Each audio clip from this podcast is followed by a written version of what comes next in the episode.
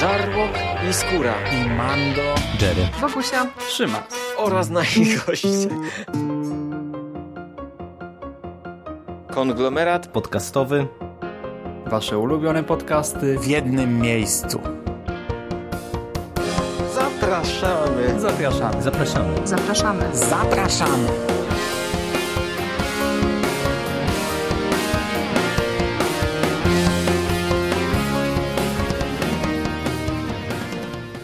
Witamy w kolejnym odcinku konglomeratu podcastowego. Z tej strony wita Was Michał Rakowicz. Jest ze mną dzisiaj Michał Ochnik z mistycyzmu popkulturowego. Witam Cię, Michale. Witam Cię, Michale. E, spotykamy się e, ponownie, aby podyskutować o komiksie e, i spotykamy się ponownie, aby porozmawiać o konkretnej serii, a mianowicie o Łasuchu Jeffa Lemiera.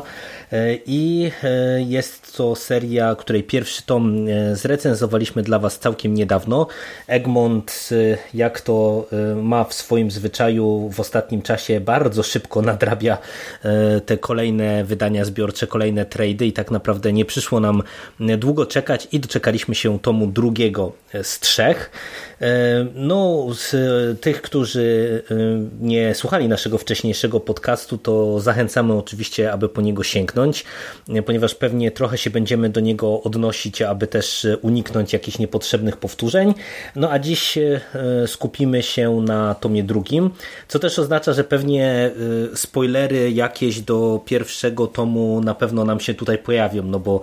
No, musimy bezpiecznie założyć, że tak, bo on jest bezpośrednią kontynuacją pierwszego tomu, to jest cały czas ta sama historia, więc jak najbardziej, no spoilery są nieuniknione w tym przypadku. Dokładnie tak, także czujcie się ostrzeżeni, jeżeli z jakichś powodów odpaliliście ten odcinek, a nie czytaliście pierwszego tomu, albo przynajmniej nie słuchaliście naszego wcześniejszego podcastu. No i Michale, od razu pytanie do Ciebie. Przy tym pierwszym tomie byliśmy trochę rozczarowani, bym powiedział, ale ogólnie nasz odbiór był taki mieszany, ani zły, ani dobry.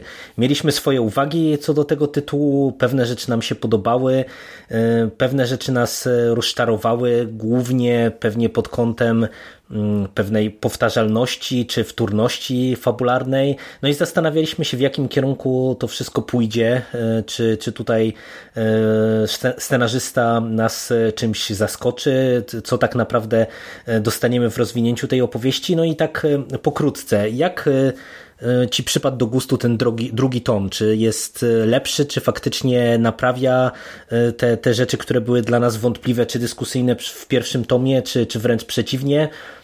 Jak to u Ciebie wygląda? U mnie wyglądało to w taki sposób, że tak jak, dokładnie tak jak mówisz, pierwszy tom, on miał wiele wad, przede wszystkim bardzo nieoryginalny świat przedstawiony i sposób, w jaki prowadzona jest fabuła w oparciu o takie najbardziej ograne klisze, to miało potencjał, zdecydowanie to miało potencjał i byłem skłonny dać szansę drugiemu tomowi, ponieważ widziałem w tym komiksie wiele rzeczy, które mógłby zrobić, gdyby, no, gdyby wyszedł poza te swoje bezpieczne ramy, w których się do tej pory utrzymywał.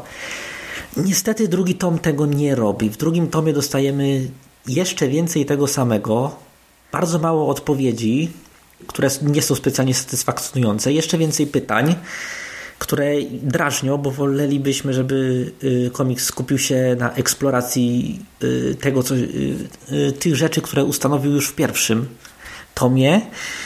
I ogólnie rzecz biorąc, pierwszy tom był średnio słaby, ale rokował.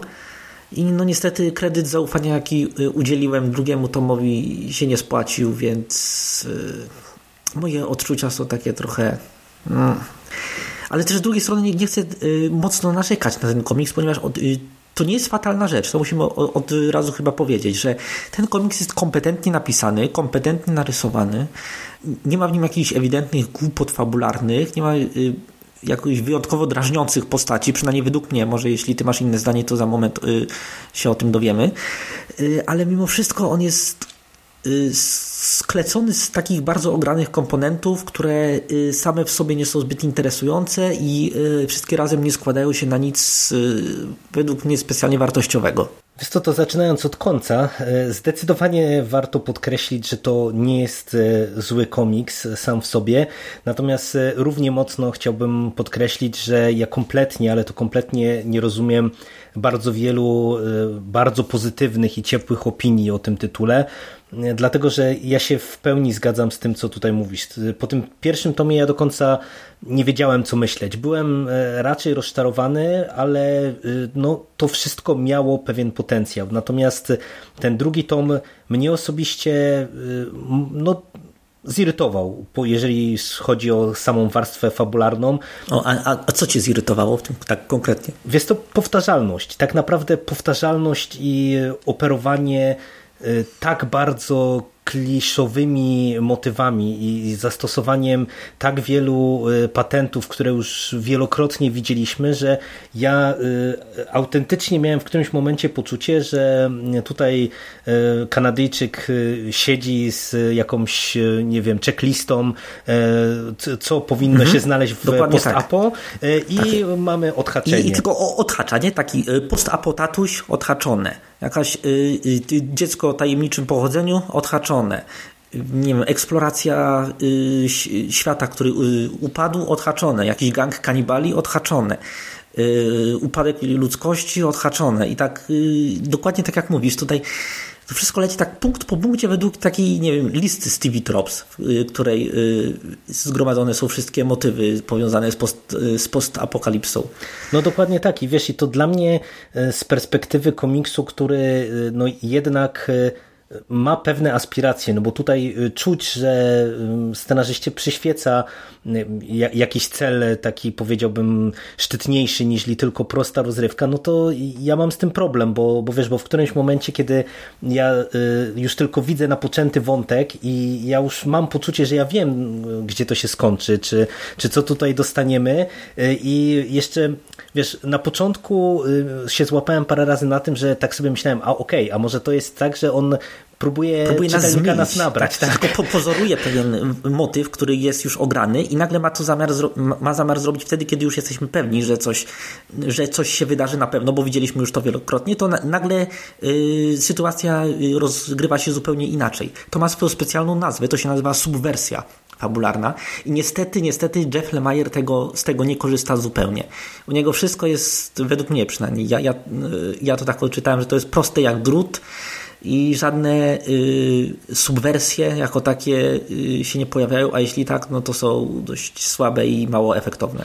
No, nie, no niestety tak, a, a co więcej, y, ty tutaj wspomniałeś o postaciach, to, to nie jest może tak, że mm, te postacie mnie irytują, natomiast y, y, trochę mnie irytuje sposób, w jaki te postaci są pisane w, i mam tutaj na myśli to, że one są dla mnie bardziej wytrychami fabularnymi, e, czy takimi postaciami, które się zachowują tak, jak to aktualnie jest scenarzyście potrzebne, niż e, ja czuję, że one e, są w pewien konkretny sposób zbudowane i że one żyją takim swoim, wiesz, mhm. prawdziwym, fabularnym życiem.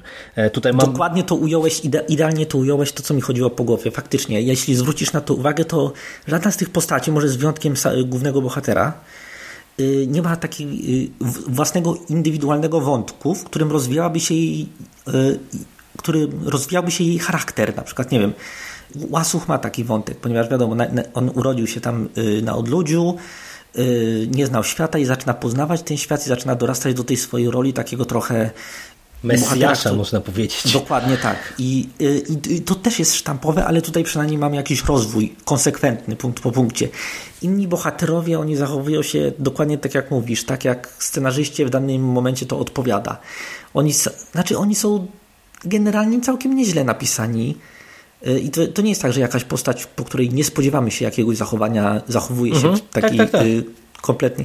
Ale one są na tyle rozwodnione, o, to jest dobre słowo. One są rozwodnione na tyle, że my kupujemy właściwie każde zachowanie z ich strony. I to, to nie jest dobre scenopisarstwo, niestety.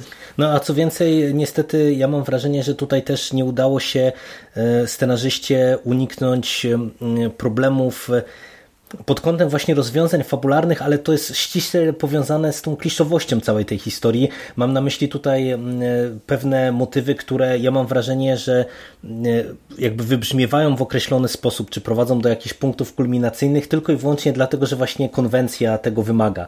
Tutaj mam na myśli na przykład scenę z tymi tajemniczymi ludźmi z lasu, E, którzy tak naprawdę, e, no można powiedzieć, że w pewien sposób e, źle kończą, zanim mają okazję cokolwiek powiedzieć. I mnie to szalenie zirytowało, bo tak naprawdę cały, cały ten wątek jest dla mnie właśnie napisany tak, żeby doprowadzić do jak, jak podejrzewam, wiesz, pewnego konfliktu czy pewnej eskalacji e, w obrębie świata przedstawionego, gdzie tak naprawdę wystarczyłoby, żeby te postaci ze sobą porozmawiały, zachowały się jakoś inaczej, bardziej nawet racjonalne w kontekście tego, co tutaj dostajemy i można by było tego uniknąć i, i ta historia by się potoczyła inaczej, a nie, a tutaj dostajemy taki typowy wiesz, y, wytrych fabularny, nie? że ma nas to do czegoś doprowadzić, więc musi się zadziać najpierw e, coś wcześniej, żeby, żeby właśnie doszło do tej jakiejś tam eskalacji. Nie wiem, czy też miałeś podobne odczucia w tak, kwestii tak, tego tak, wątku. Tak, tak, dokładnie. Przy czym należy tutaj wspomnieć, że my e, nie, nie, jesteśmy takimi osobami, które czepiają się tego, że bohaterowie nie zachowują się przez 100% czasu stuprocentowo racjonalnie i logicznie. Nie, w żadnym razie. Wiadomo, to jest postapokalipsa, wiadomo, że podejmuje się pochopne decyzje, podejmuje się decyzje wynikające wynikający z, z kas charakteru, no ale niestety te, ci bohaterowie, jak już mówiłem wcześniej, oni są na tyle rozwodnieni, że ciężko powiedzieć, które y, ich decyzje są, y, wynikają z tych skaz charakteru, z y, presji, a które y, są y, tylko takim narracyjnym imperatywem, który ma popchnąć fabułę do przodu. To, y, to, na to też trzeba zwrócić uwagę. No ale wracając do rzeczy, wiesz, co jest najbardziej frustrujące w Wasuchu dla mnie? Że y, czasami, czasami natrafiam na y, co kilkanaście stron natrafiam na, jakiś taki, na taką perełkę. Na przykład jakiś niewykorzystany wątek, y, który jest, do którego są czynione aluzje i sobie myślę, że o super byłoby jakby fabuła poszła w tym kierunku, bo to, to ma potencjał. Albo na przykład, nie wiem, czy zwróciłeś uwagę, jest taka cudowna sekwencja snu, mhm. jednocześnie Łasucha i jako, Japerta, tak on się nazywa? Tak, tak, tak. Mhm. Tak, w którym oni śnią dwa różne sny, które się y, później y, tak jakby łączą w jeden sen y, w konkluzji tej takiej konstelacji kadrów. To wygląda super efektownie i to ma miodzio, jeśli chodzi o symbolikę, ponieważ pokazuje nam psychikę obu bohaterów i to w jaki sposób oni swoją relację odczytują. Super i i, i, I, potem, jak już nie, y, y, y, mamy tę chwilę takiego kreatywnego wytchnienia, że widzimy, że komiks naprawdę ma świetny potencjał, to on wraca do bycia nudnym i przewidywalnym. I to jest, to jest strasznie frustrujące. Jakby to był tylko zły komiks, to my byśmy go zjechali i byłoby w porządku, po kopocie. Ale to jest zły komiks, któremu naprawdę niewiele brakowało, żeby być całkiem niezłym komiksem, a może nawet miejscami wybitnym komiksem. No ja się w pełni z Tobą zgadzam, ale ja też E, ci powiem otwarcie, że to zaczynam mieć takie podejrzenia prywatnie, że e, tak e, po prostu, przynajmniej ja mam ze scenarzystą, czyli z Defem Lemierem, bo to nie jest pierwszy komiks jego autorstwa, który ja czytam i on ma bardzo pozytywne opinie, o czym też mówiliśmy tutaj jako właśnie scenarzysta w tym wcześniejszym podcaście. Jako scenarzysta ma bardzo przychylne opinie, czy spotyka się z przychylnymi opiniami, a ja mam z nim problem, bo ja właśnie widzę dokładnie to, co ty mówisz, że on ma e, e, kupę świetnych pomysłów, ma naprawdę nieraz e, bardzo dobrą też taką powiedziałbym wizję wizualną, to źle zabrzmi, e, ale e, ma jakby określoną Zmysł wizję. narracji graficznej. Tak, o pięknie to ujeść, dokładnie, Te, tych słów mi brakowało, dziękuję. Że wiesz, że potrafi coś naprawdę kapitalnie rozplanować pod kątem e, tym stricte graficznym, tak żeby wykorzystać medium, jaki jest komiks, do opowiedzenia historii inaczej, wiesz, niż przez same dialogi. No ale z drugiej strony właśnie często mamy tak, że oprócz tych właśnie bardzo fajnych momentów, my grzęźniemy przy nudnych, nieciekawych postaciach, albo niewykorzystanych wątkach, albo w ogóle wątkach, które się pojawiają i znikają, nie wiadomo dlaczego, bo tak scenarzysta akurat sobie to wymyślił. No i mnie to boli. I mnie to boli, bo naprawdę ja chciałbym, żeby to się zamieniało, wiesz, w spójne, naprawdę świetne komiksy, a no dla mnie to jest póki co taki, no sprawny warsztatowo, ale niestety niewiele ponad to komiks, nie? A właśnie, bo ty, bo ty znasz y, twórczość tego scenarzysty znacznie lepiej niż ja. O ja nie, poczytałem... znaczy wiesz, znacznie lepiej to bym nie nadużywał znaczy, tego. Wiesz, ja tylko czytałem Własucha i jedną opowieść y, poboczną z, ze świata Czarnego Młota, więc... Mhm. No, a... Nie jest trudno znać ten, tego y, autora znacznie lepiej niż ja. I, I powiedz mi, jak, jaki on jest przeciętnie? Znaczy... znaczy wiesz no, z tego co ja się z nim spotkałem, to, to jest e, właśnie e, autor, który ja, ja go trochę jakby tak odbieram jak to, co tutaj dostajemy, w tym sensie, że to jest człowiek, który z jednej strony bardzo chce uniknąć sztampy y, takiej typowo kojarzonej z komiksami i próbuje celować w historie bardziej oparte na, nie wiem, emocjach, relacjach postaci i tak dalej, i tak. Z drugiej strony on po prostu mam, mam takie też nieodparte wrażenie, wrażenie, że lubi mm, gatunkowość.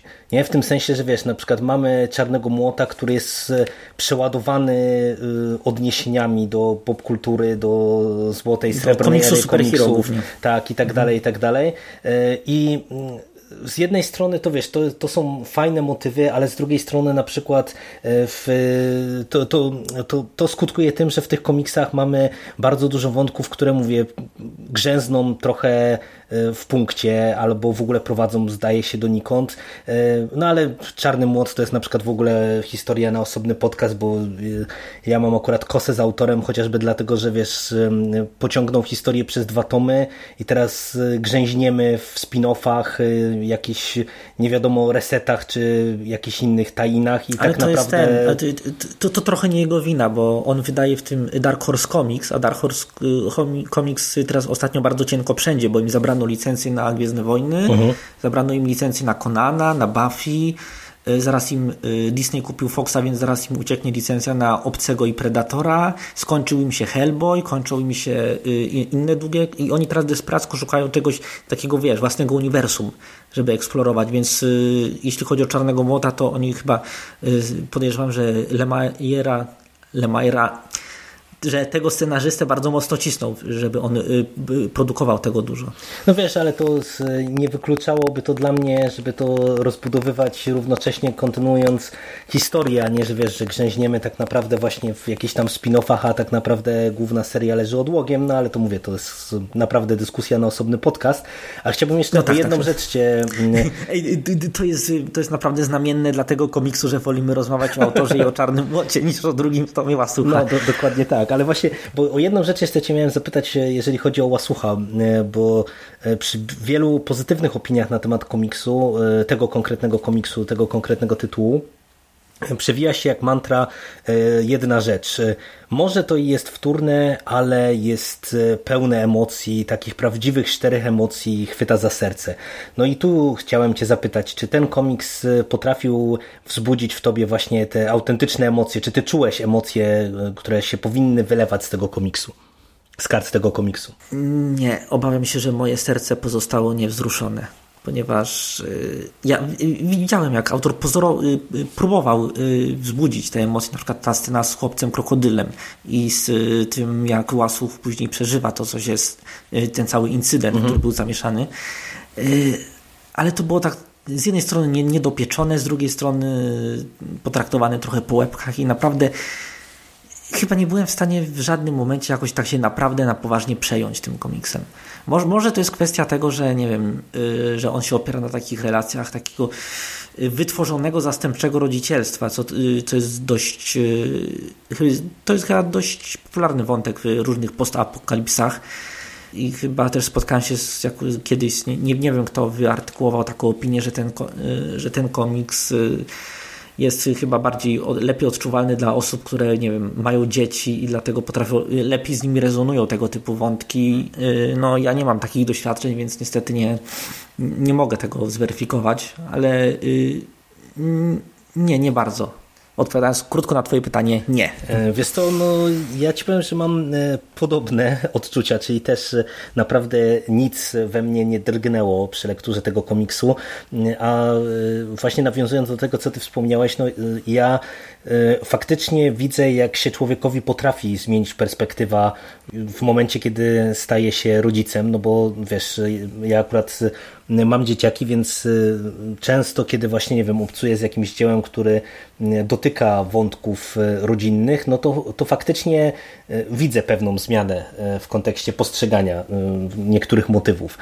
Ale tutaj no zupełnie to mi nie zagrało. Ja po prostu naprawdę widzę sztucznie wykreowany świat i mam nieodparte wrażenie, że właśnie te emocje są też tak jak ten świat, no, sztucznie kierowane, że ja, ja mam nieodparte poczucie tego, że autor prawie że palcem mi pokazuje, tu powinieneś uronić łezkę, bo stało się to i to. E, tutaj e, mamy wątek, nie wiem, postaci właśnie, które ze sobą się nie umieją dogadać, czy, czy dochodzi do jakiegoś konfliktu, tu powinieneś poczuć właśnie, nie wiem, smutek, rozdarcie, cokolwiek. No i, i niestety ja tego nie czuję. Nie, nie wiem, na ile to jest właśnie kwestia tego, że tutaj ta wtórność fabularna, ta miałkość tych postaci powoduje, że ja po prostu nie jestem w stanie się w pełni zaangażować, ale, ale niestety mam też podobnie. No myślałem, że właśnie może pod tym kątem bardziej Cię to poruszyło, e, a, a to tylko ja jako zimny drań właśnie tego mm, tak nie odebrałem, no ale widzę, że mamy podobnie w sumie. No to chyba o fabule już powiedzieliśmy wszystko, co trzeba.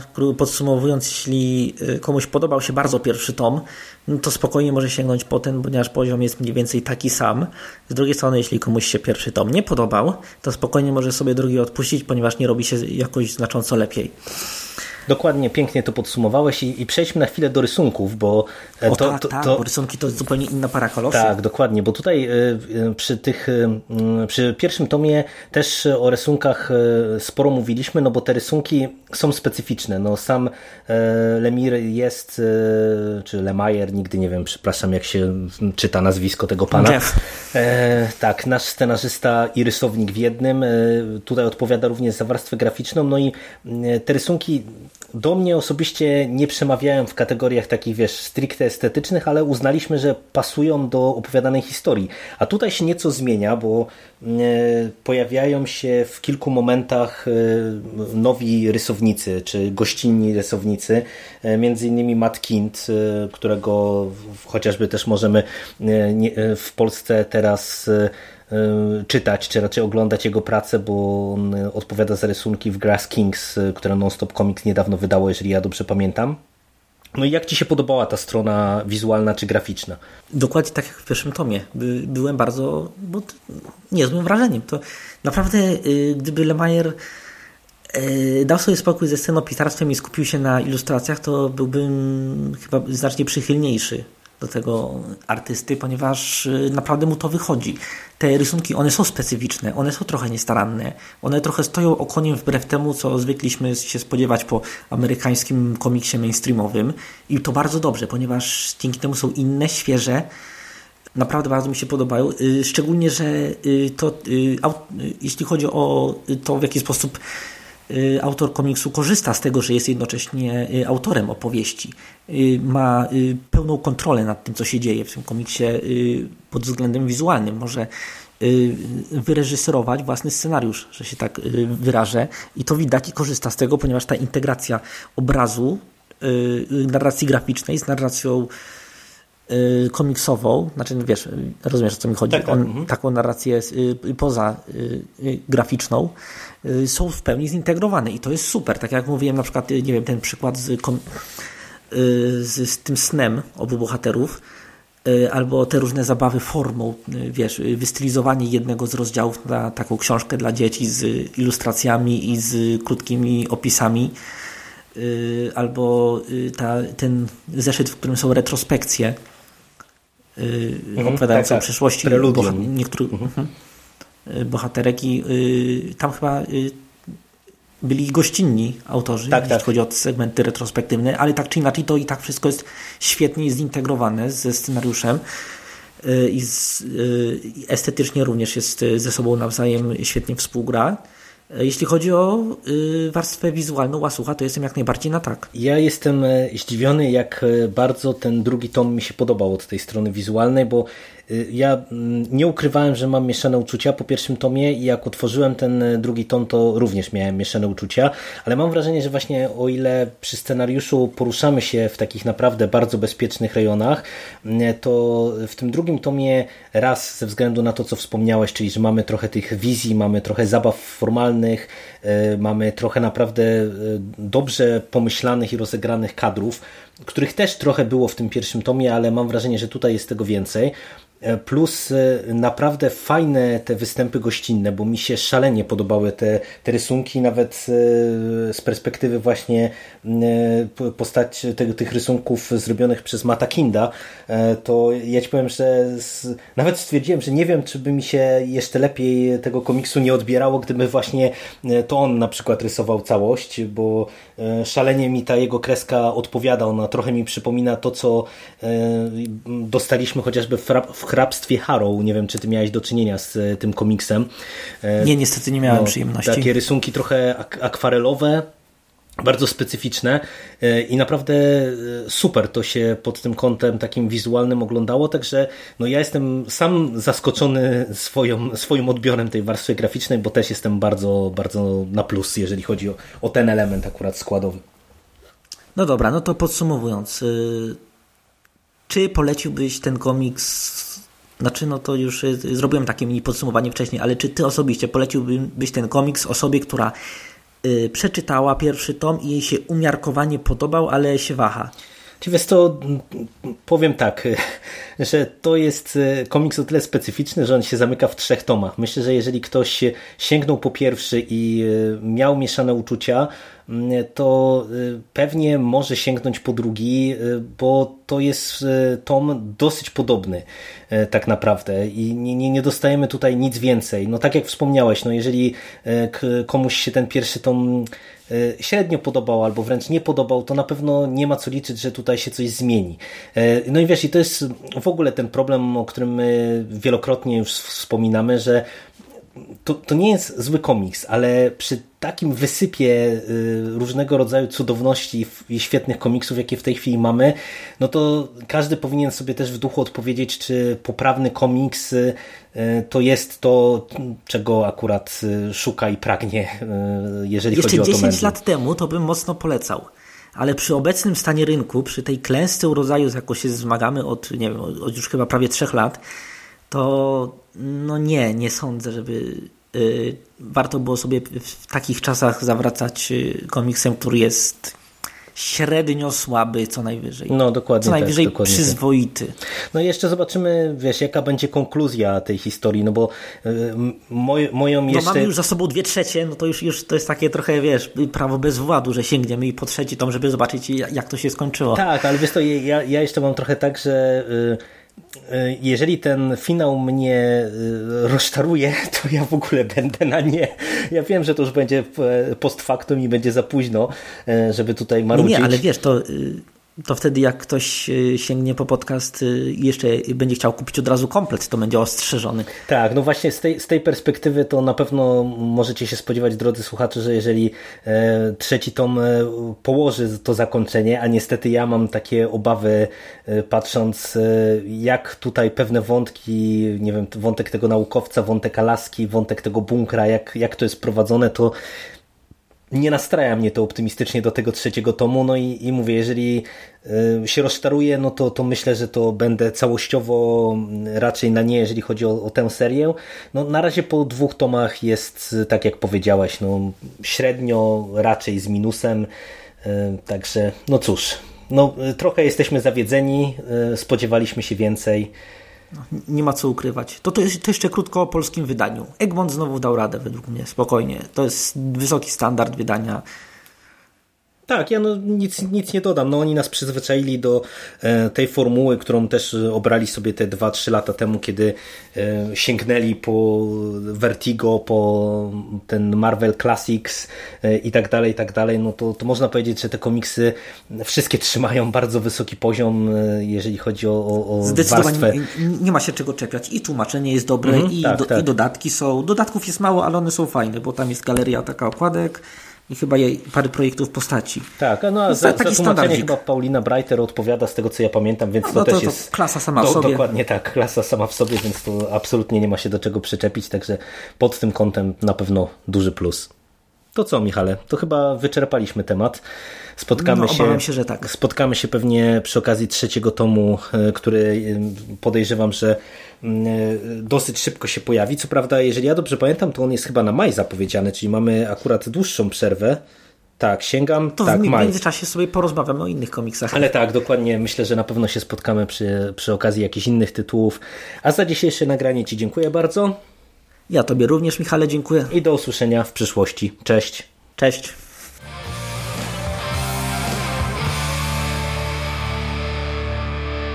You finished? That's it, man. Game over, man. It's game over. What the fuck are we gonna do now? What are we gonna do? It's over. Nothing is over! Nothing! You just don't turn it off!